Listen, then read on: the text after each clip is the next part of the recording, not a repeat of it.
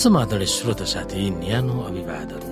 म उही तपाईँहरूको आफ्नै मित्र धनलाल राईको श्रोत साथी।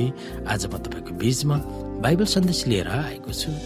आजको बाइबल सन्देशको शीर्षक रहेको छ सबैजना मिलेर एक एक हुने।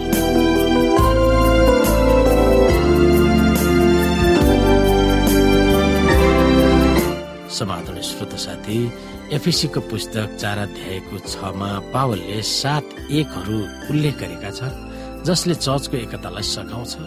ती सूचीहरूले पावलले वास्तविक के भन्न खोजिरहेका थिए भनेर हामी हेर्न सक्छौँ यहाँनिर। शरीर एउटै छ र पवित्र आत्मा एउटै हुनुहुन्छ जसरी तिमीहरू बोलाइँदा एउटै आशामा बोलाइएका थियौ जुन आशा तिमीहरूको बोलावटसँग ढाबिएको छ एउटै प्रभु एउटै विश्वास र एउटै बत्तिसमा हामी सबैका एउटै परमेश्वर र पिता जो सबैमाथि सबैका मध्य र सबैमा हुनुहुन्छ भनेर यहाँ लेखिएको छ।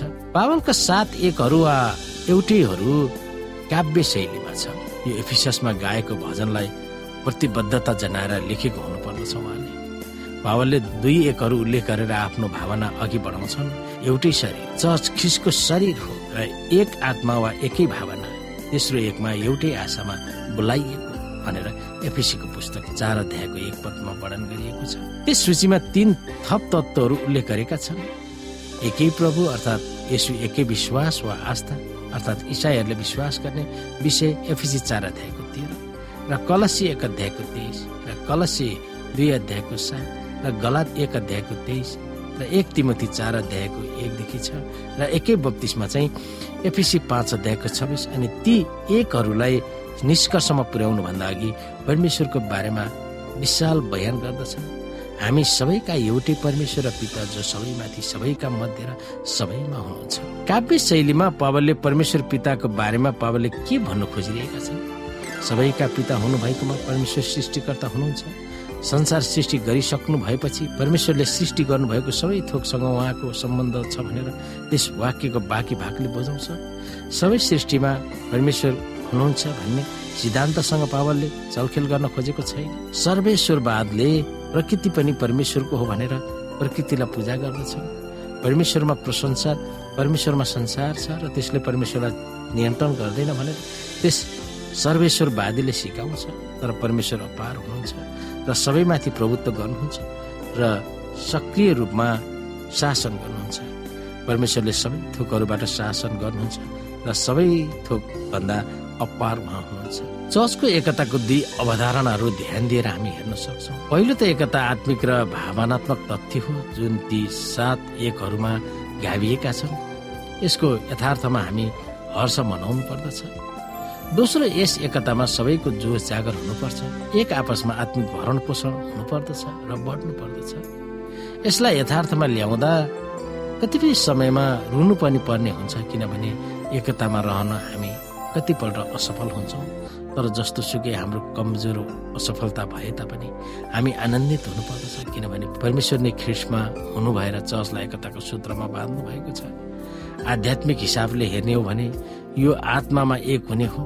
एकताको निम्ति प्रयास गर्ने क्रममा जब हामी अघि बढ्छौँ तब हामी परमेश्वरको काममा साथ दिइरहेका छौँ भनेर हामी ताजा रूपमा विश्वस्त हुन सक्छौँ। हामीले फिसी चारा अध्यायको एकदेखि छलाई फेरि पनि हेऱ्यौँ भने यसले तपाईँ हाम्रो भावनामा कस्तो प्रभाव पारेको छ?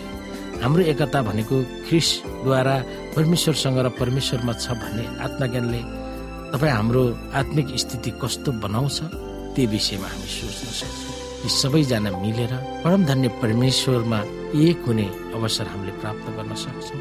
कि मानिसहरूले जसले सृष्टि गर्नुभयो जुन सृष्टिलाई मानिसहरूले पूजा गरिरहेका छन् र ती सृष्टिमा भएको थोकहरूलाई बडो अनौठो तरिकाले पुजिरहेको अथवा मानिरहेका हामी देख्छौँ। तर सृष्टिमा भएका सबै थोकहरू र सृष्टिमा भएका यावत कुराहरू कुनै परमेश्वरले सिर्जना हो त कति मानिसहरूले बुझेर या नबुझेर ती सृष्टिमा भएका कुराहरूलाई पुजिरहेका छन् भोगिरहेका छन् मानिरहेका छन् तर त्यसले हामीलाई परमेश्वरमा एकता गराउँदैन।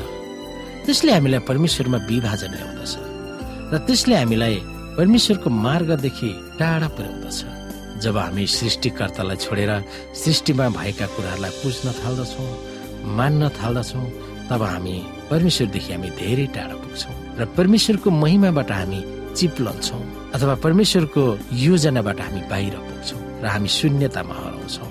जब हामी परमेश्वरमा एक हुन चाहन्छौँ र सबैजना मिलेर परमेश्वरको महिमामा अगाडि बढ्छौँ। तब मात्रै हामी परमेश्वरको महिमासम्म पुग्न सक्छौँ सबैजना मिलेर।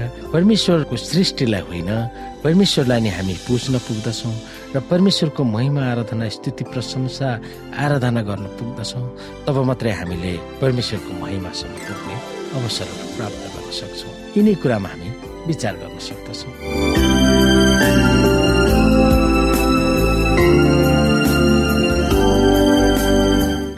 श्रोता साथी आजको लागि भएको सन्देश यति नै हस्त नमस्ते जय मसिंह।